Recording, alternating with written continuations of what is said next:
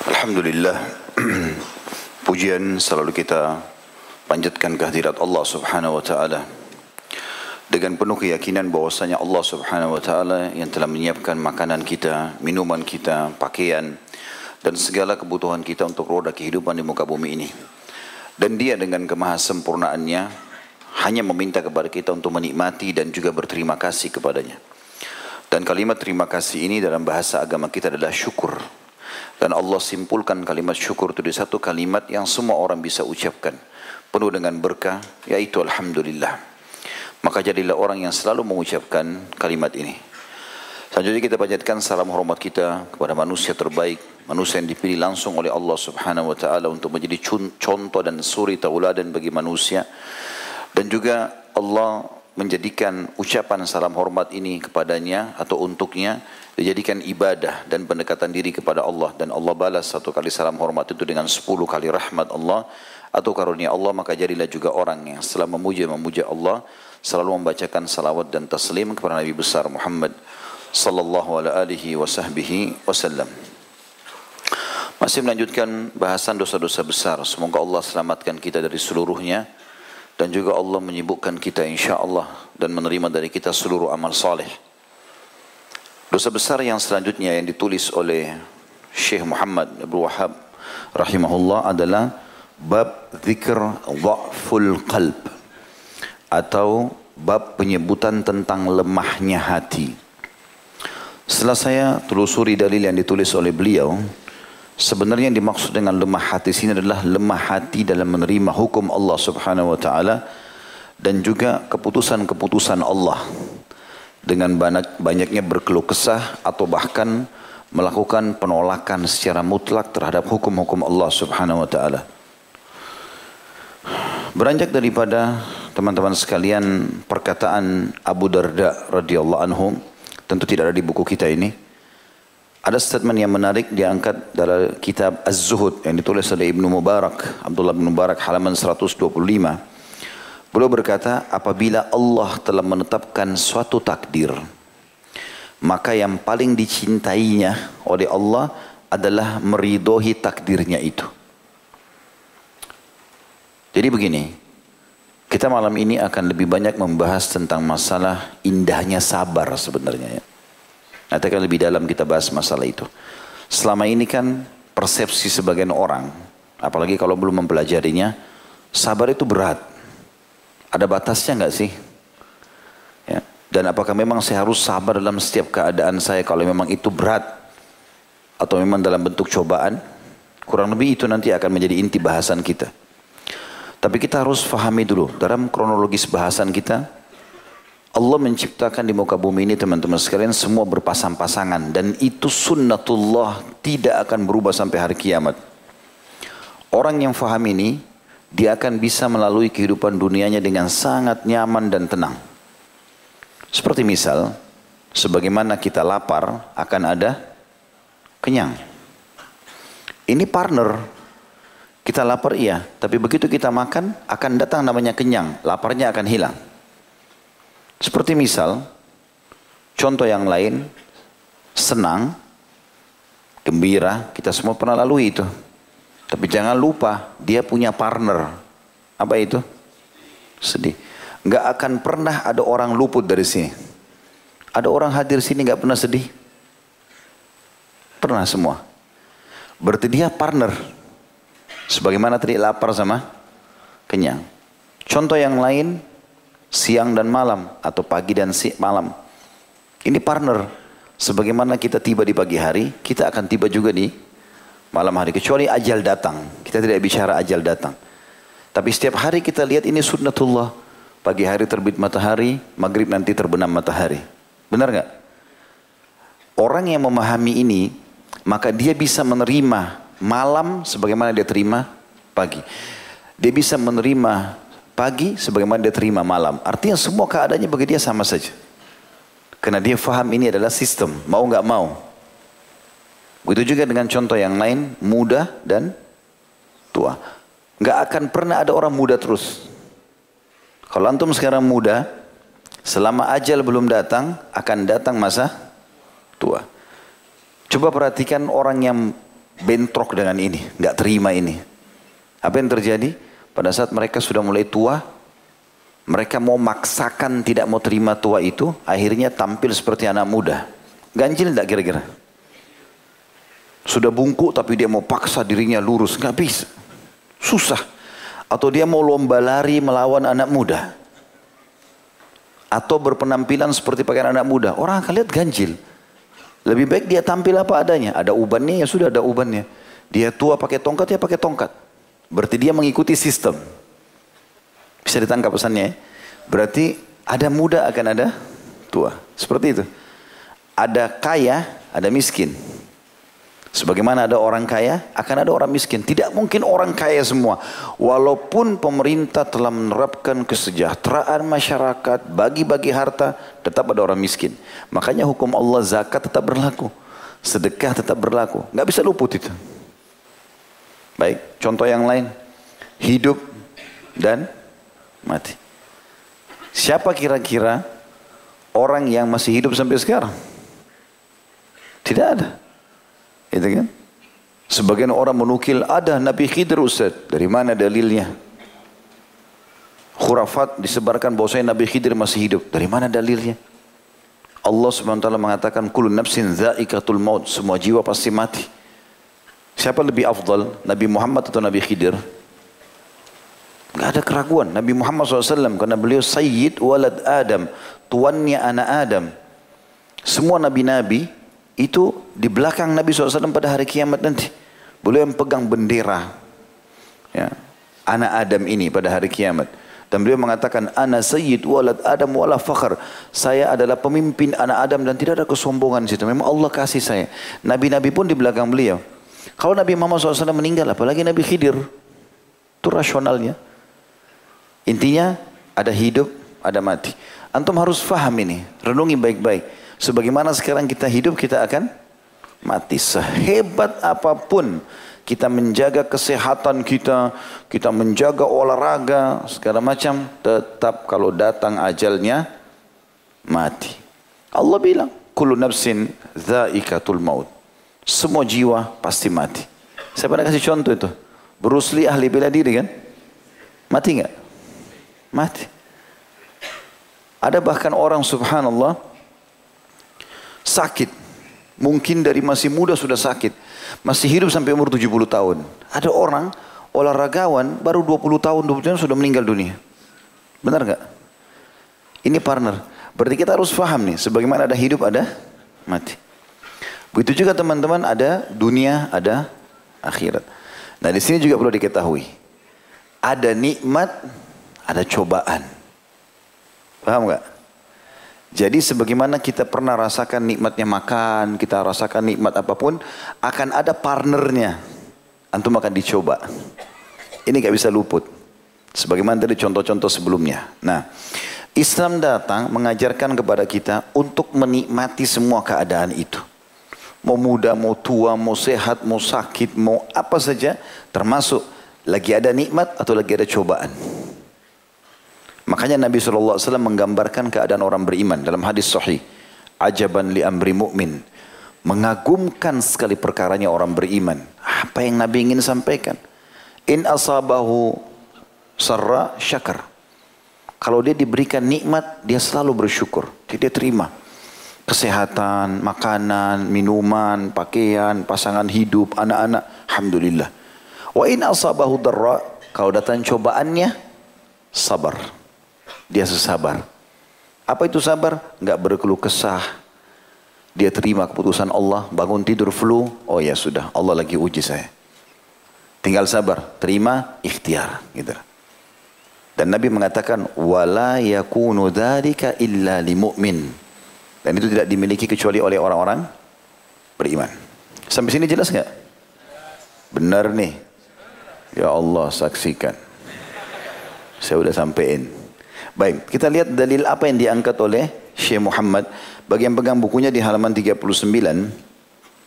Kita baca dulu dalil yang kedua ya. Al-Ankabut ayat 1 sampai ayat 2.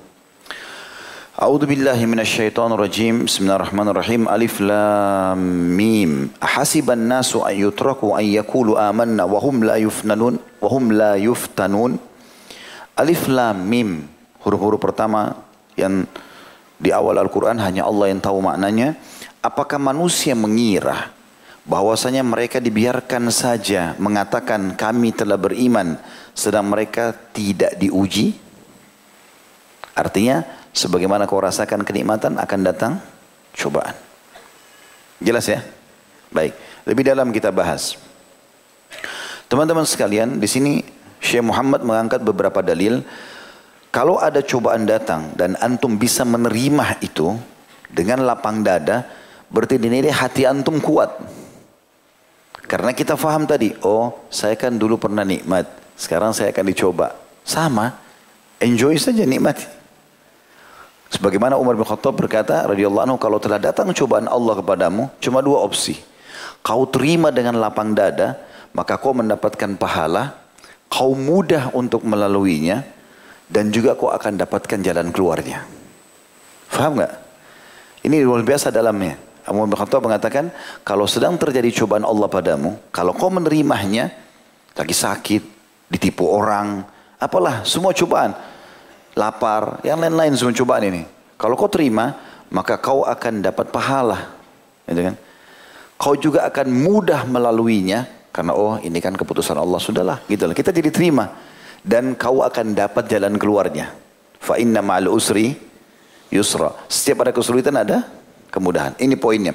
Lalu beliau mengatakan, kalau kau tidak terima cobaan itu, maka kau akan berdosa. Ya. Karena menolak keputusan Allah, gitu kan.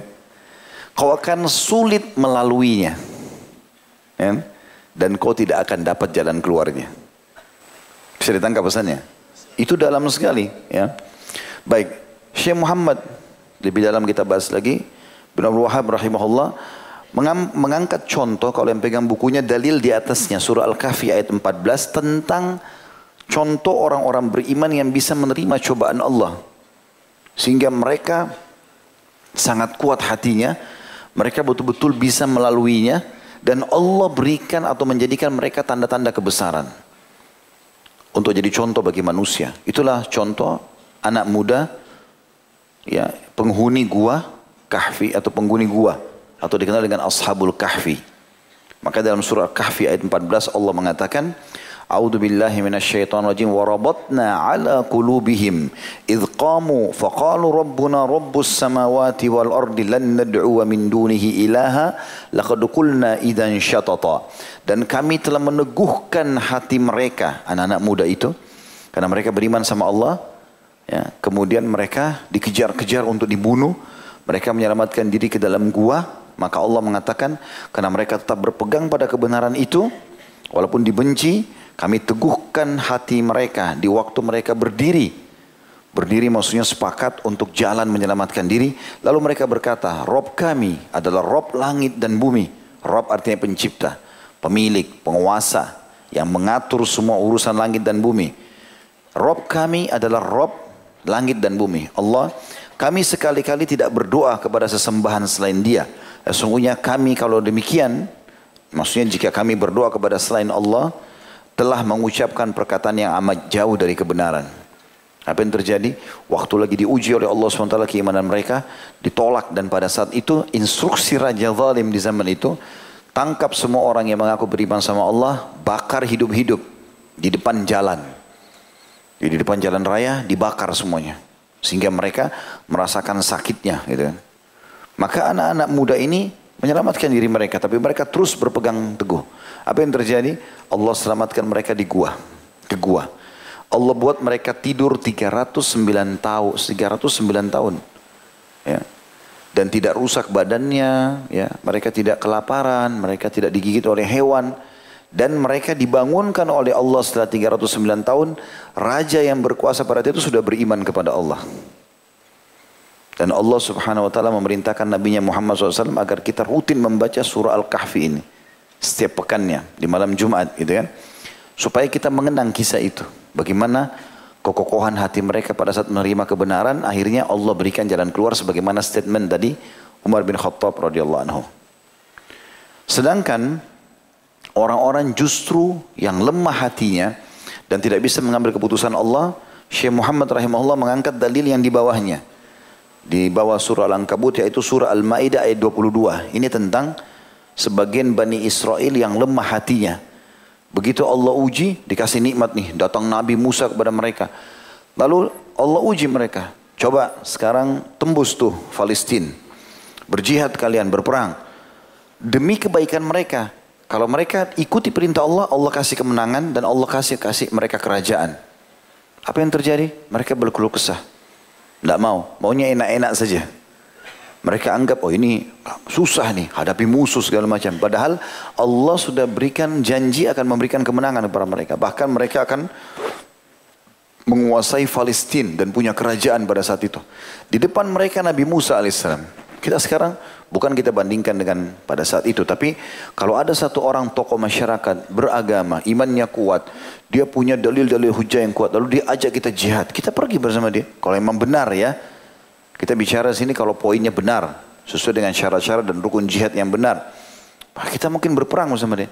Tapi ini subhanallah bersama mereka Nabi Musa alaihissalam dijanjikan wahyu turun. Mereka pasti akan menang menguasai Palestina dan di sana nanti Allah akan kasih mereka kerajaan, rezeki segala macam. Apa yang mereka bilang? Perhatikan dari lisan mereka Allah nukil. Surah Al-Maidah ayat 22. A'udzu billahi minasyaitonir rajim. Qalu ya Musa, inna fiha qauman jabbarin. Wa inna lan nadkhulaha aba lan nadkhulaha hatta yakhruju minha. Fa in yakhruj minha fa min fa inna dakhilun. Fa in yakhruju minha fa inna dakhilun. Mereka berkata, Bani Israel yang imannya lemah, hatinya lemah, gak mau menerima perintah Allah, cobaan dari Allah. Mereka bilang, hai Musa, sesungguhnya dalam negeri itu, Palestina, ada orang-orang yang gagah perkasa. Mereka kekar-kekar, mereka ahli perang. Sesungguhnya kami sekali-kali tidak akan memasukinya sebelum mereka keluar darinya. Jika mereka keluar darinya, pasti pasti kami akan memasukinya. Maksudnya kami nggak siap untuk pergi berperang. Kami maunya usir saja mereka dengan cara Muhai Musa, baru kami tinggal datang terima enak-enak gitu. Gak mungkin ini. Kalau memang kita beriman ini harus diuji. Tetapi Allah subhanahu wa ta'ala bersama orang-orang beriman. Yang itu. Itu yang dimaksudkan. Bahkan lebih parah dari itu mereka dengan rusaknya hatinya berkata, Idhab anta wa rabbuka faqatila innaha huna qaidun. Hai Musa, pergi saja kamu berdua sama Tuhanmu. Perangi itu orang-orang. Kalau kami duduk di sini, kalau sudah menang beritahukan kepada kami. Ini kurang ajarnya luar biasa. Ya. Suruh Musa alaihissalam dan Allah pergi berdua perangi. Padahal Allah yang persyariatkan kepada mereka. Itu lemah hatinya. Ini yang dimasukkan oleh beliau ini penyakit dan ini bahaya. Ini dalam bahasan Syekh Muhammad adalah dosa. Sampai kalau pada tingkat ini dosa besar. Karena dia malah mengolok-olok perintah Allah subhanahu wa ta'ala. Karena lemah hati mereka, karena mereka tidak mau kerjakan itu. Makanya pada saat akan terjadi perang badar, sahabat Nabi Ridwan Allah memahami sekali masalah ini. Pada saat Nabi SAW keluar dengan 313 orang sahabat untuk menahan kafilah dagangnya Quraisy yang dipimpin oleh Abu Sufyan dengan 40 orang saja, dan Nabi itu tidak wajibkan alaihissalam. Beliau cuma mengatakan saya akan keluar menahan kafilah Quraisy.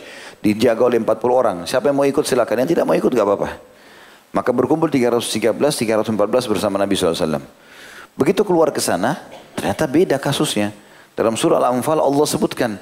Allah memang mengatur pertempuran muslimin dengan Quraisy. Abu Sufyan waktu dengar keluar muslimin. Dia menyurat ke Mekah. Tiba di tangan Abu Jahal suratnya. Mayoritas harta yang ada dalam kafilah punyanya Abu Jahal. Punyanya juga Umayyah bin Khalaf. Punyanya Abu Sufyan yang sedang bimbing. Maka Abu Sufyan mengatakan ini akan diserang oleh muslimin. Selamatkan harta-harta kita ini. Abu Jahal motivasi orang ayo kita berperang yang terkumpul intinya kurang lebih pada saat itu seribu orang. Semuanya pasukan berkuda. Keluarlah mereka pergi ke Badar. Ada bukit di Badar itu ada gunung. Pasukan kafir sudah sampai di sebelah sisi gunung, pasukan muslimin tiba di sebelah. Tapi ini tidak saling tahu posisinya. Kuasa Allah. Allah sebutkan dalam surah Al-Anfal masalah itu. Ya. Id antum bil udwati dunya, ingatlah ketika kalian berada di sisi gunung yang lebih dekat dengan Madinah. Wahum bil udwatil kuswa. Dan mereka orang kafir ini berada di posisi gunung yang lebih jauh dari Madinah. Warrakbu asfala minkum. Dan kafilah yang kalian kejar sudah lewat dari kalian. Walau tawa'attum lakhtalaftum fil mi'ad. Walakin liyakdi Allah amran kana maf'ula. Kalau kalian saling janji mau perang, tidak akan terjadi itu. Tapi Allah sudah mengatur sesuatu yang pasti terjadi. Maka pada saat itu kafilah dagang berhasil lolos. Datang wahyu menyampaikan, Hai Muhammad, kafilah sudah lolos. Jibril mengatakan, Allah memerintahkan kau berhadapan sama musuh. Ini peperangan pertama sahabat. Nabi SAW kumpulin semua. Bagaimana menurut kalian nih? kafilah ini lolos. Wahyu dari Allah mengatakan sudah lolos. Abu Sufyan berhasil lari. Kita nggak mungkin kejar.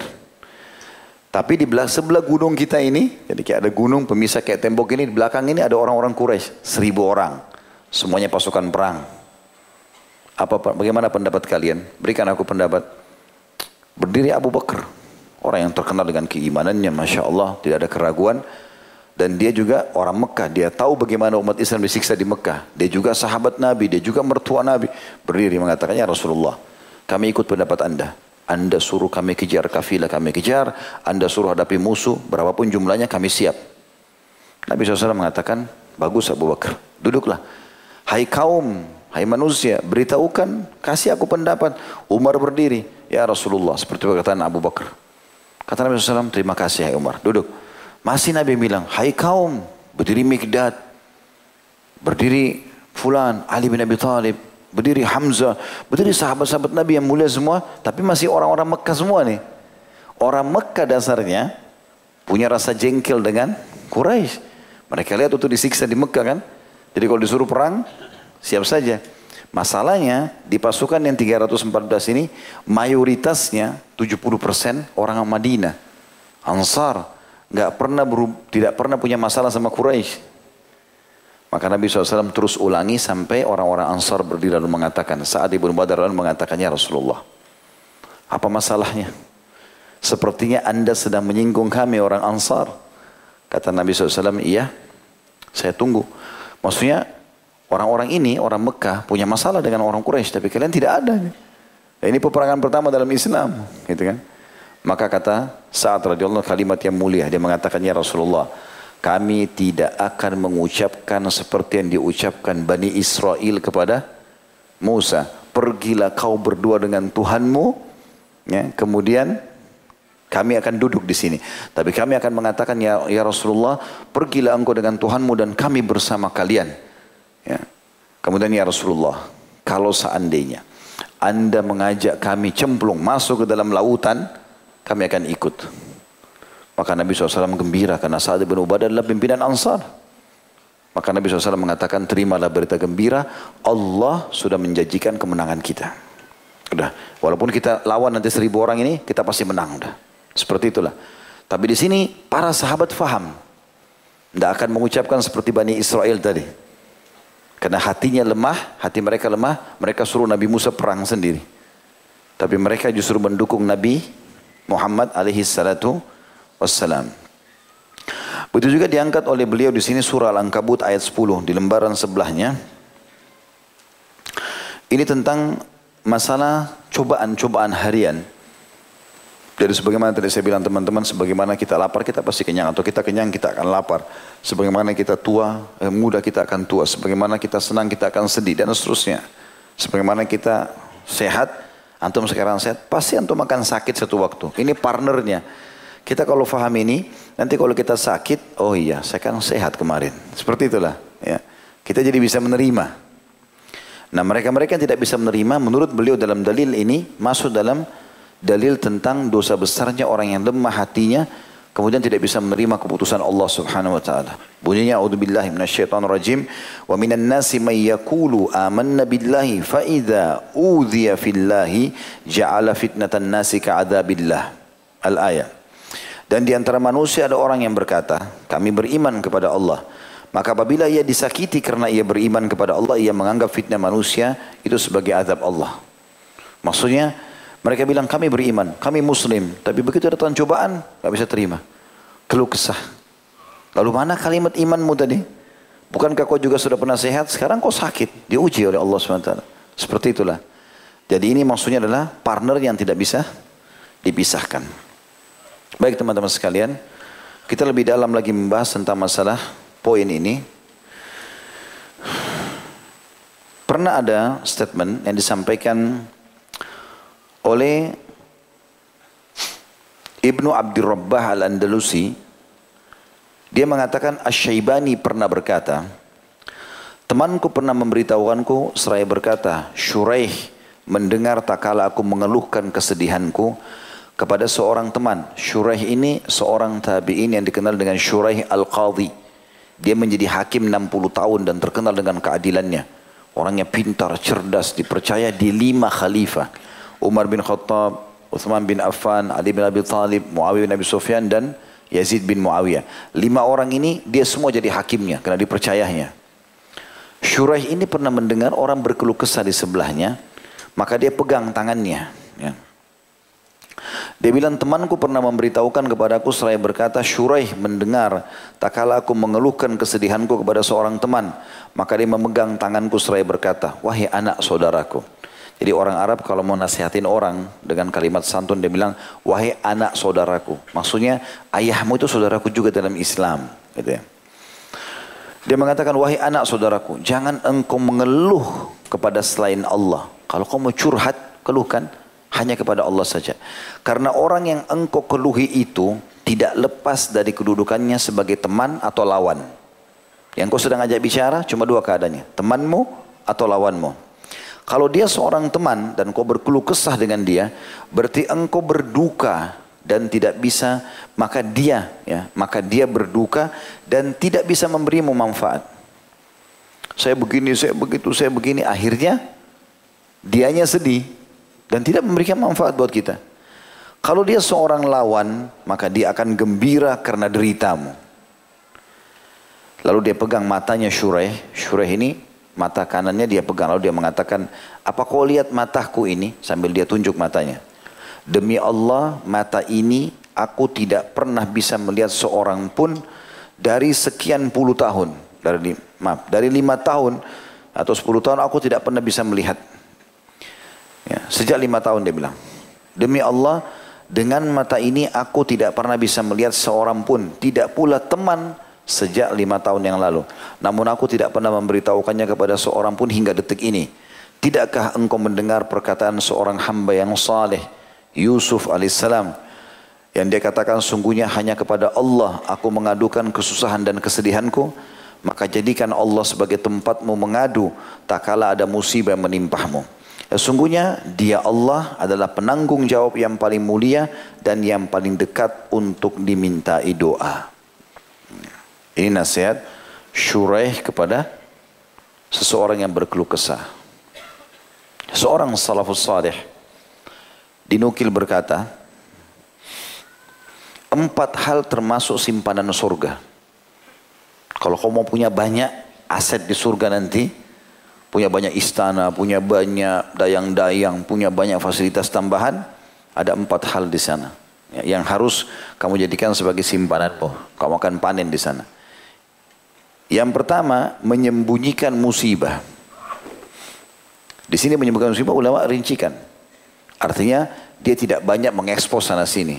Dia hanya bicara kepada orang yang memang layak untuk dia sampaikan karena ada hubungannya. Ada hubungannya. Misal dia digiba oleh seseorang, A menggibah dia, lalu kemudian e, menggibahnya itu kepada si A kepada si B. Kita posisinya si C. Lalu kita dengar, ternyata si B ini ya, termakan dengan gibahnya si A. Kemudian kita dia tabayun, kita jelaskan, ah begini dan begitu. Ya. Atau kita menggunakan si B untuk meluruskan kesalahan si A misalnya. Dan seperti itulah, makanya tidak masalah.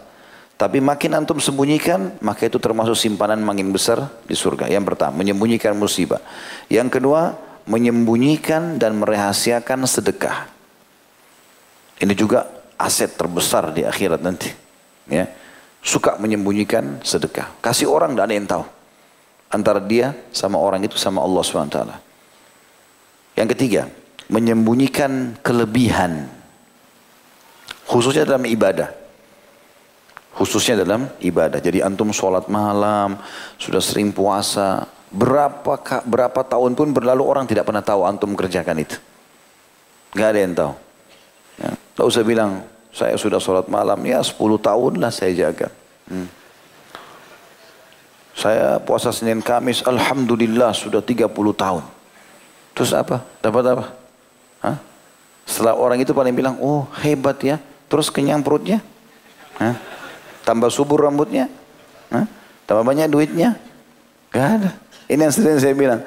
Kadang-kadang orang kejar pujian orang. Ini lidahnya sepanjang ini. Kamu hebat. Terus bisa dimakan jempolnya. Terus yang keempat, menyembunyikan penyakit kecuali pada ahlinya. Karena ulama membahas artinya dia tidak berbicara kecuali kepada ahlinya saja. Misal dia sakit, dia datang konsultasi, sama dokternya. Dok saya sakit ini ini tujuannya untuk mendapatkan manfaat. Tapi uh, maksudnya panduan supaya minum obat apa segala macam. Tapi selain daripada ini mereka tidak pernah sebutkan. Dan ini yang dimaksud tadi dengan kasus Syuraih. Ulama menanggapi kisah Syuraih tadi yang matanya lima tahun tidak melihat itu. Dia maksudnya tidak ada yang tahu kecuali orang yang dia konsultasi dokter. Bahwasanya dia punya masalah di penglihatannya. Seperti itulah. Karena Nabi karena ini tidak bentrok dengan dalil syar'i. Nabi SAW mengatakan sesungguhnya Allah tidak turunkan penyakit kecuali Allah turunkan bersamanya obat maka berobat wahai hamba-hamba Allah. Saya konsultasi pada ahlinya. Dan Allah mengatakan dalam Al-Quran fas'alu ala dzikri in kuntum La ta'lamun. Tanyalah ah, orang-orang ahlinya kalau kalian tidak tahu gitu kan. Berarti kita boleh menyampaikan. Tapi jangan semua orang. Ada orang flu satu kampung tahu kalau dia flu. Untuk apa? Manfaatnya apa gitu kan. Kemudian teman-teman sekalian. Fudail bin Iyad rahimahullah berkata.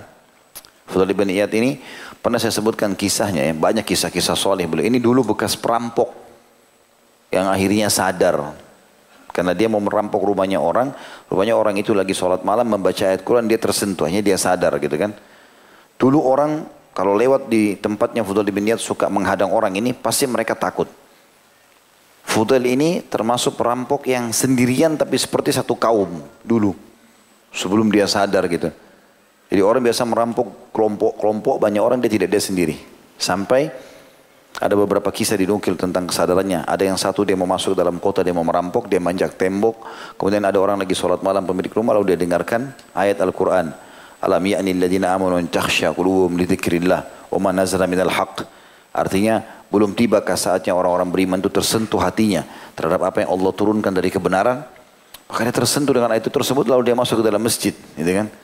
Lalu kemudian dia sadar intinya itu. Ada riwayatnya yang menjelaskan dia sadar gara-gara satu waktu ada satu kafilah lewat, dia mau serang, terus dia dengar perkataan mereka mengatakan, di sini ada satu orang yang sangat buruk namanya Fulail. Tidak ada seorang pun lewat kecuali pasti dibunuh sama dia. Maka hati-hatilah kalau lewat di situ. Lalu dia berpikir, kenapa manusia sampai setakut ini dengan saya? Lalu kemudian dia sadar, dia bertobat. Intinya Fulail dulunya buruk, tapi subhanallah Allah tidak lihat masa lalu seseorang.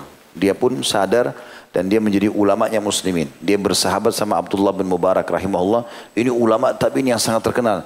Sampai Abdullah bin Mubarak waktu jadi sahabatnya Fudail dan dia lihat Fudail ini belajar, banyak hafal ayat Al-Quran, hafal hadis, terus selalu tersentuh orang dengan nasihat-nasihatnya karena memang dia seorang praktisi maka kata Abdullah bin Mubarak sungguh Fudail adalah tanda-tanda kebesaran Allah di muka bumi Fudail ini pernah mendengar seseorang mengadukan cobaan yang menimpahnya maka dia berkata, bagaimana mungkin engkau mengadukan yang merahmatimu kepada orang yang tidak memberikan rahmat padamu. Kan sekarang yang uji kita siapa? Yang buat kita lapar, yang buat kita sakit, yang buat kita apa semua ini cobaan-cobaan. Siapa yang buat itu semua? Allah SWT. Itu. Allah ciptakan itu. Dan Allah datangkan dia. Mungkin akibat perbuatan kita ya. Tapi kan penciptanya Allah SWT.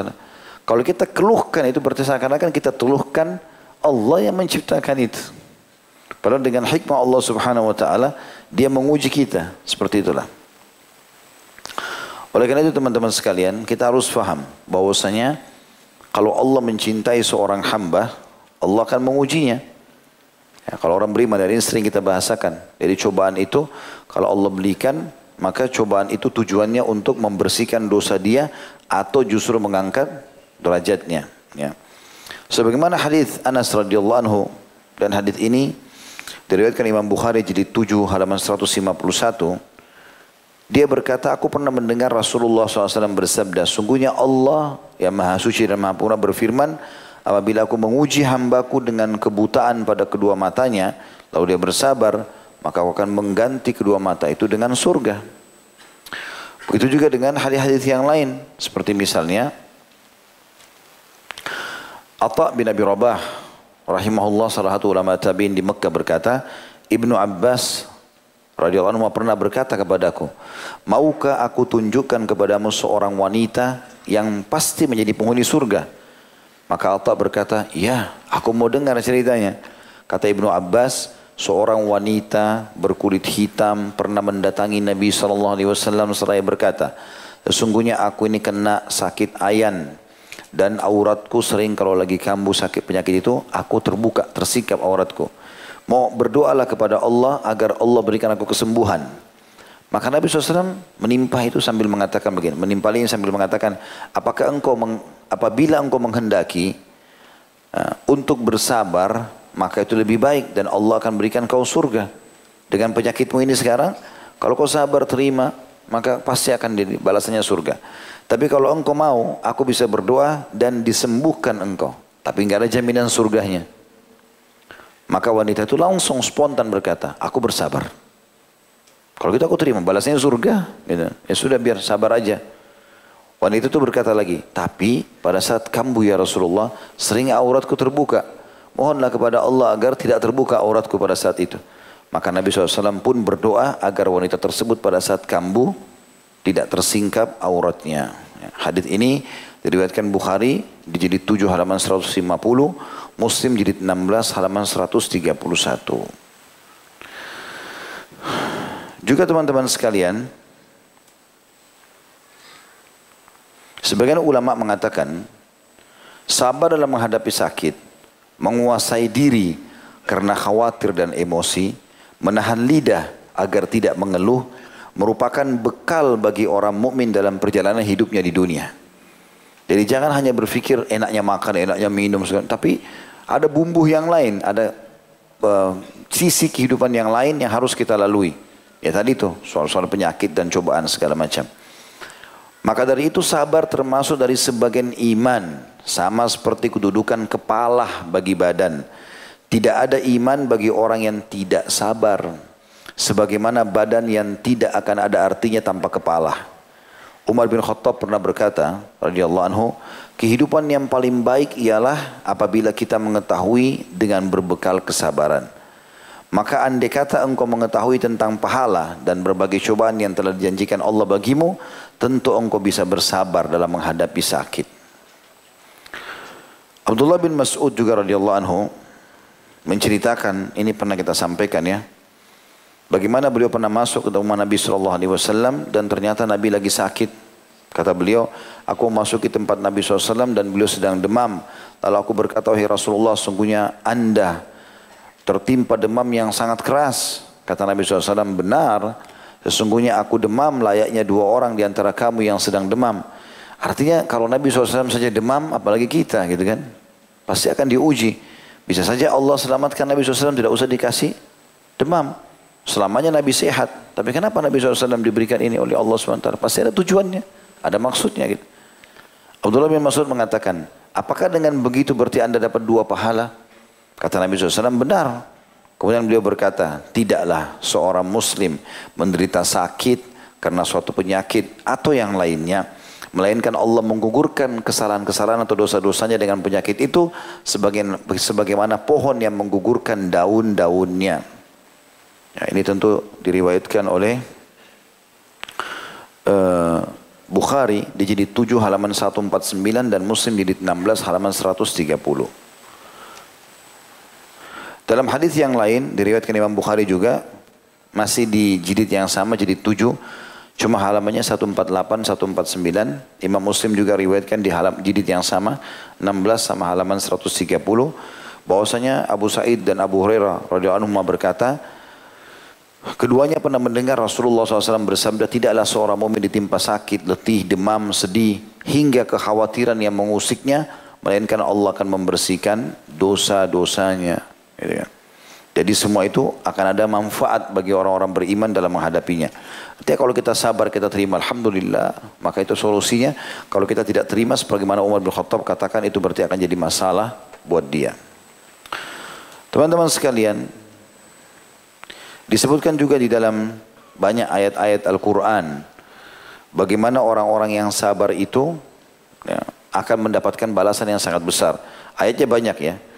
Tetapi hal yang sangat menarik itu di Al-Baqarah surah nomor 2 ayat 177 Allah Subhanahu wa taala berfirman dan memastikan salah satu yang menyebabkan iman itu dinilai sempurna dan sangat baik pahalanya juga besar. Orang itu sempurna dalam hidup melalui kehidupan adalah orang-orang yang sabar di antaranya Allah bilang di sini 177 cukup panjang ayatnya saya bacakan a'udzubillahi rajim. Laisal birra an tuwallu wujuhakum qibla al-masyriqi wal maghrib. Walakinna birra man amana billahi wal yawmil akhir wal malaikati wal kitabi wan nabiyyin. Wa atal mala wa atal mala ala hubbihi dhawil qurba wal yatama wa ibnis sabili was sa'ilina wa fir riqab. Wa fir riqabi wa aqama as-salah wa aqama as-salata wa ata az-zakata wal mufuna bi ahdihim idza ahadu was-sabirina fil ba'sa'i wad-dharra'i wa hina al-ba's ulaika alladziina sadaqu wa ulaika humul muttaqun. Artinya, bukanlah kebajikan itu, kesolehan, kepatuhan dinilai dari kamu mengarahkan ke timur dan ke barat. Ya, karena orang-orang Yahudi ya memperolok-olok Nabi Shallallahu Alaihi Wasallam sambil mengatakan, dan kaum muslimin kalian juga uh, ibadah menuju ke kiblat kami, maksudnya ke Masjid Aqsa sampai Allah menyuruh Nabi SAW mengalihkan ke Masjidil Haram. Maka Allah tekankan di sini. Bukanlah kebaikan itu kau menghadap timur dan barat. Tergantung perintah Allah itu. Tapi kebajikan itu adalah pada saat kau beriman kepada Allah, beriman kepada hari kiamat, maksudnya mengejar surga, takut hisab hari kiamat, khawatir masuk neraka, dan beriman tentang keberadaan malaikat-malaikat, kitab-kitab, nabi-nabi, dan memberikan harta yang terbaik untuk kerabat, anak-anak yatim, orang-orang miskin, orang terputus jalan dan juga orang-orang yang meminta-minta. Dan juga dalam pembebasan budak, mendirikan sholat, menunaikan zakat, dan orang yang selalu menepati janji yang sudah dia ucapkan. Serta, ini saksi bahasan kita, orang-orang yang selalu sabar dalam keadaan ya, susah, selit ataupun senang. Dan juga pada saat peperangan sedang berkecamuk, mereka adalah orang-orang yang jujur dengan keimanannya dan mereka adalah orang-orang yang bertakwa. Ya, jadi di antaranya adalah orang yang sabar dalam cobaan-cobaan ini dianggap mereka setara dengan orang-orang yang beriman kepada rukun iman semuanya. Allah, malaikat, kitab-kitab, hari kiamat, para rasul dan seterusnya. Juga disebutkan bahwasanya surga itu hanya akan dimasuki bagi orang-orang yang sabar. Dalam surah Ar-Ra'd ayat 23 sampai 24 Allah berfirman, "A'udzu billahi minasyaitonir rajim." wal malaikatu yadkhuluna alaihim min kulli babin salamun alaikum bima sabartum fa ni'ma uqbad. Sedangkan para malaikat masuk ke tempat-tempat mereka dari semua pintu, maksudnya istana-istana mereka sambil mengucapkan keselamatan buat kalian terhadap atau atas kesabaran kalian, maka alangkah baiklah tempat kesudahan itu. Sebagian ulama mengatakan tentang tafsir ayat selanjutnya surah Az-Zumar ayat 10, A'udzubillahi minasyaitonir rajim. Innama yuwaffas sabiruna ajran bighairi hisab. Sesungguhnya orang-orang sabar akan dicukupkan atau akan diberikan pahala tanpa batas. Kata sebagian ulama, kalau orang-orang selain musibah dan kesabaran yang sedang dia lalui, seperti sholat, puasa, dan lain-lain, ini pahalanya sudah Allah tentukan. Tapi khusus sabar, itu akan dituangkan pada dia dari langit pahala yang sangat banyak yang tidak ada batasnya. Jadi antum jangan bilang, oh cobaannya ini berat nih, saya nggak bisa sabar. Enggak, harusnya bisa sabar. Karena pahala sangat besar. Khusus ibadah sabar ini, itu di, dikatakan oleh Allah bigari hisab, tanpa ada hitung-hitungannya. Bahkan dituangkan kepadanya tuangan yang sangat banyak. Ada orang diuji di istrinya, ada orang diuji di suaminya, ada orang diuji di anaknya, ada orang diuji di tetangganya, di mertuanya, di orang tuanya, macam-macam. Di pekerjaannya, tapi semua orang diuji. Apalagi kalau kita orang beriman, maka ujian akan datang. Untuk menguji apakah memang iman kita akan bagus. Dan apakah iman kita sempurna atau tidak. Dan ini untuk naik kelas. Ya. Masa antum tiba-tiba naik dari kelas 1 ke kelas 2 SD tanpa ujian? Di dunia aja dilakukan itu. Mau naik kelas 3, lebih pintar, kurikulumnya berbeda, bertambah ilmunya, ujian lagi. Mau naik kelas 5, 4, ujian lagi. Kelas 5, ujian lagi. Kelas 6, ujian. Terus begitu ujian. Ya, sampai ke pasca sarjana. S2, S3. Padahal dia tinggal tulis saja sebenarnya, tapi diuji. Di situ baru nanti nanti ada pengakuan, oh ini orang memang sarjana S1, oh ini S2, Oh ini tamatan ini dan itu kan gitu. Karena memang dia sudah diuji. Dan Allah memastikan dirinya sebagai Tuhan pencipta yang menciptakan kita, yang menciptakan nikmat yang ada sama kita, yang yang menciptakan juga rasa syukur itu, yang menciptakan kita, yang menciptakan cobaan pada kita, yang juga menciptakan sabar itu dan solusinya. Allah mengatakan dalam surah Al-Imran 146, "A'udzu billahi minasyaitonir wallahu yuhibbus sabirin." Dan Allah sangat mencintai orang-orang yang sabar. Gitu. Jadi ini sebuah hal yang luar biasa. Bagaimana Allah SWT mengingatkan masalah itu. Kemudian teman-teman sekalian kita akan coba tutup dengan uh, kisah seorang sahabat atau hadis tentang seorang sahabat wanita ini ya. Ummu Ala radhiyallahu anha. Beliau pernah lagi sakit dan menceritakan kisahnya. Dan ini disebutkan dalam Sahih Abu Daud, Sunan Nabi Daud di nomor 3092. Dia berkata, Rasulullah SAW pernah menjengukku tak kala aku sedang sakit. Lalu beliau berkata, gembiralah wahai ummu al-ala. Sesungguhnya sakitnya orang muslim itu membuat Allah membuat Allah menghilangkan kesalahan-kesalahan sebagaimana api yang menghilangkan kotoran emas dan perak. Jadi maksudnya Selain memang kita kalau terima itu akan menambah keimanan kita, tinggal kita nikmati sebagaimana tadi kata Umar bin Khattab, juga dia akan menjadi penyebab bersihnya semua kesalahan sebagaimana api menghilangkan karat-karat atau kotoran emas dan perak. Ya. Apa yang kita bahas ini teman-teman sekalian adalah khusus menurut Syekh Muhammad bin Wahab adalah dosa besar kalau seseorang itu memiliki kelemahan hati dalam menerima keputusan Allah Subhanahu wa taala apa pun sifatnya. Dan sebaliknya orang yang bisa menerima itu sebagai sebuah keputusan maka tentu dia akan aman insyaallah. Ini mirip-mirip dengan bahasan kita yang lalu ya. Pernah ada dosa besar yang kita bahas juga kaswatul qalb, kerasnya hati. Kalau ini sih karena tidak tersentuh dari peringatan-peringatan Allah. Ada gempa, ada longsor, semacam dia tidak tersentuh sama sekali. Kalau ini enggak, ini dia bisa menerima, tapi lemah di dalam menghadapinya. Dan kita sudah banyak berikan contoh tadi. Alhamdulillah.